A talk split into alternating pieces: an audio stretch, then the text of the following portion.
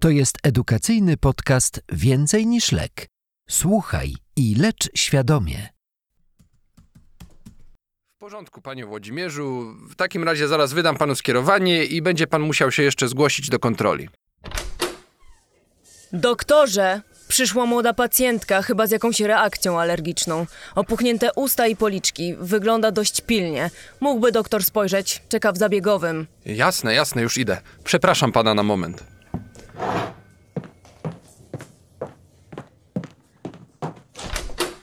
Dzień dobry, co się dzieje? Ojej, ale pani spuchła. Byłam w ogrodzie. Coś mnie użarło. Chyba pszczoła w rękę. Proszę pokazać. Ojej, ma pani jeszcze tutaj żądło. Musimy szybko wyciągnąć. A, au! Nie zauważyłam. E, pani Magdo, y, proszę zmierzyć pacjentce ciśnienie i saturację. Pulsoksymetr jest e, chyba w szufladzie. E, proszę pani, kiedy to się stało? Jakiś kwadrans, zanim tutaj przyszłam. Na coś pani choruje przewlekle? Nie, jestem jedynie alergiczką, ale to alergie pokarmowe.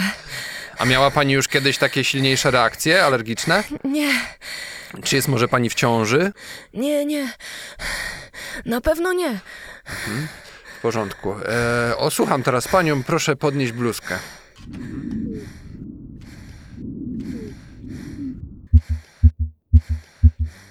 Skóra chłodna, lepka, pokryta czerwoną wysypką.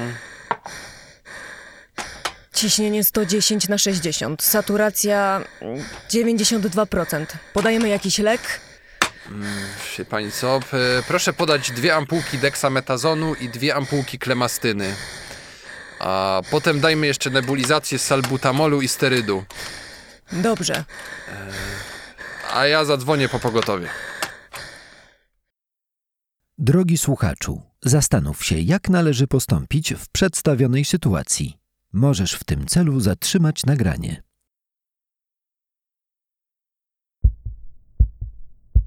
Po przyjeździe zespołu 15 minut później stan pacjentki uległ znacznemu pogorszeniu. Obrzęk twarzy narósł, pacjentka oddychała z wyraźnym stridorem oraz pojawiły się u niej zaburzenia świadomości. Wyjściowo w skali Glasgow kobietę oceniono na 10. Ponownie zmierzone parametry. Ciśnienie skurczowe 40, rozkurczowe nieoznaczalne. Częstość pracy serca 150 na minutę, saturacja 70% na masce, oddechy 50 na minutę. Otrzymała tlen w maksymalnym przepływie. Podano domięśniowo adrenalinę w dawce pół miligrama. Po licznych próbach udało się założyć cienki wenflon, do którego podłączono płyn w maksymalnym możliwym przepływie.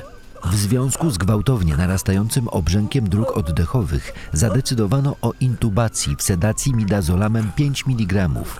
Próba okazała się nieudana. Wentylacja maską z rezerwuarem oraz przez maskę krytaniową niemożliwa. Doszło do NZK w mechanizmie PEA. Wykonano ratunkowo konikotomię i po łącznie 5 minutach RKO uzyskano powrót krążenia. Powtarzano dawki adrenaliny domięśniowo. Przekazana na oddział intensywnej terapii.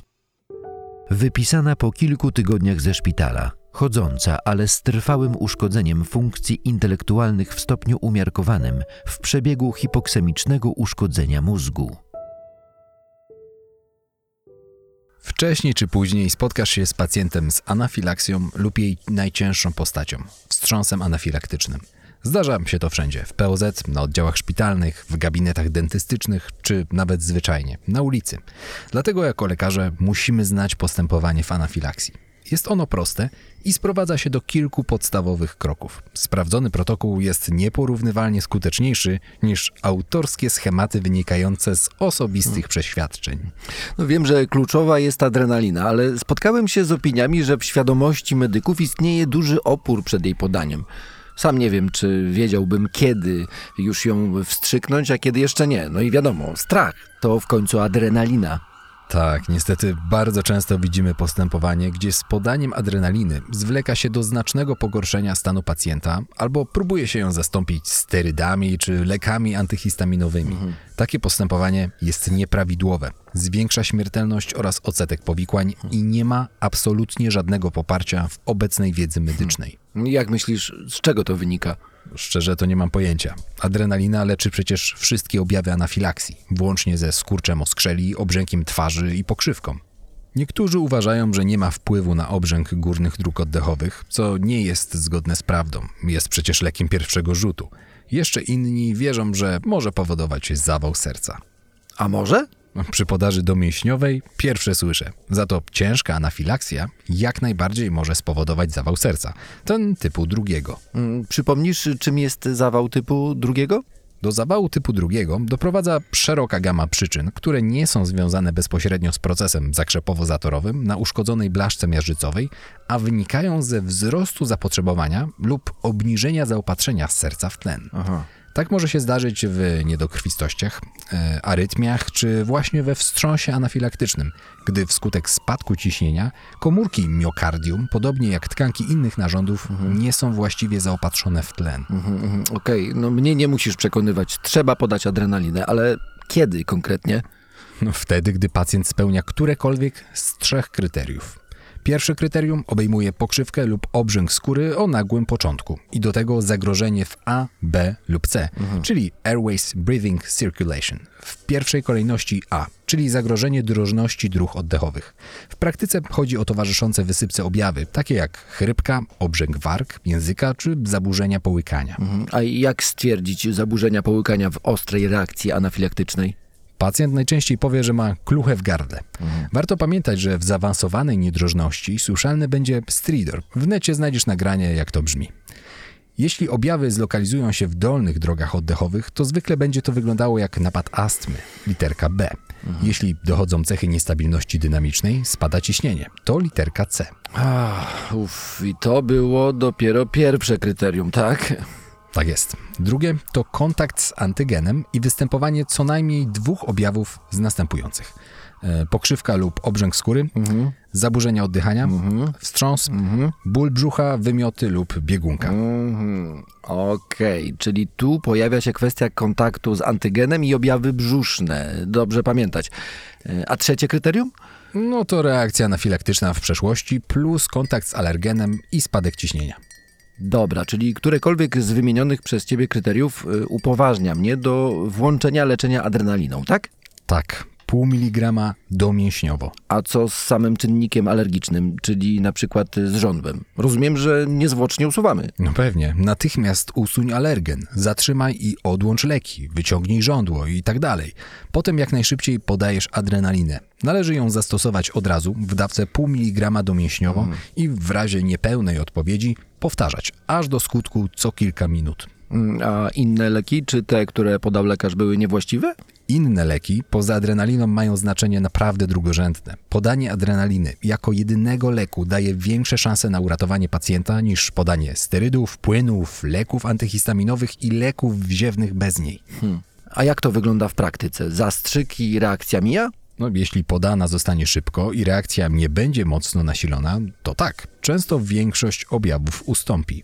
Jednak gdy adrenalina nadejdzie za późno, stan pacjenta może zacząć się pogarszać i będzie trzeba reagować na kolejne problemy. Spada ciśnienie, więc dajemy płyny. Dokładnie. Należy w tym celu jak najszybciej założyć kilka wkłuć obwodowych, bo przy spadku ciśnienia i narastającym obrzęku skóry może być to potem trudne. Wiesz, że pacjent z anafilaksją może stracić z powodu narastających obrzęków do 30% objętości krwi w ciągu 5 do 10 minut?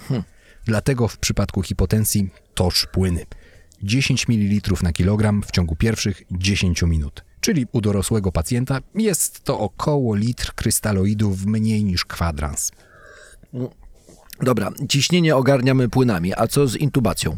No właśnie, jak się domyślasz, narastający obrzęk twarzy, języka i krtani sprawia, że intubacja w takich warunkach należy do najtrudniejszych i czasami jest po prostu niemożliwa. Język wychodzi na zewnątrz, usta słabo się otwierają, wszystko w środku wypełnione jest obrzękniętą śluzówką. Wentylacja na maskę twarzową lub maskę krtaniową oczywiście nie jest możliwa. O, masakra, nie wyobrażam sobie tego. No, dlatego intubację powinien wykonywać najbardziej doświadczony lekarz, który jest na miejscu.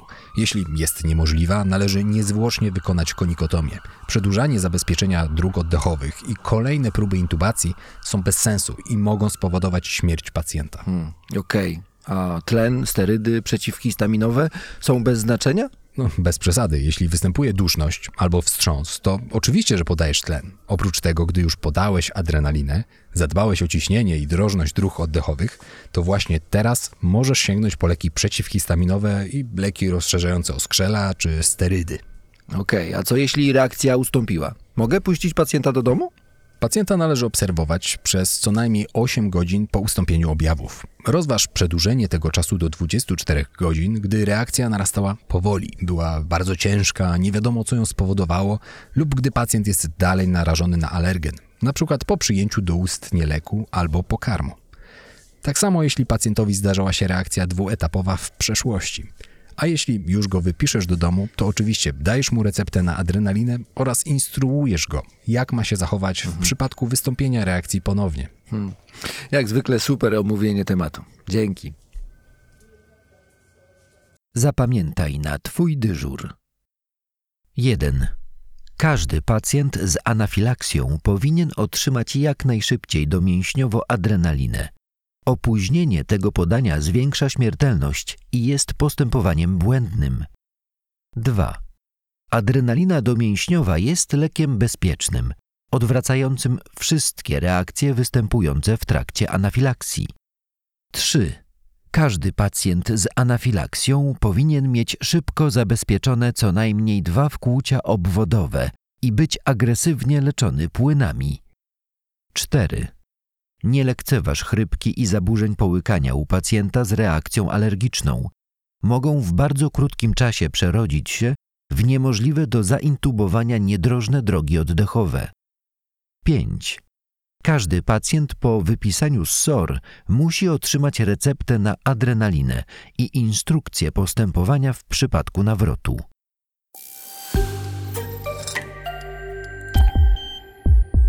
Nagranie powstało w ramach współpracy projektów edukacyjnych Twój dyżur i Więcej niż lek.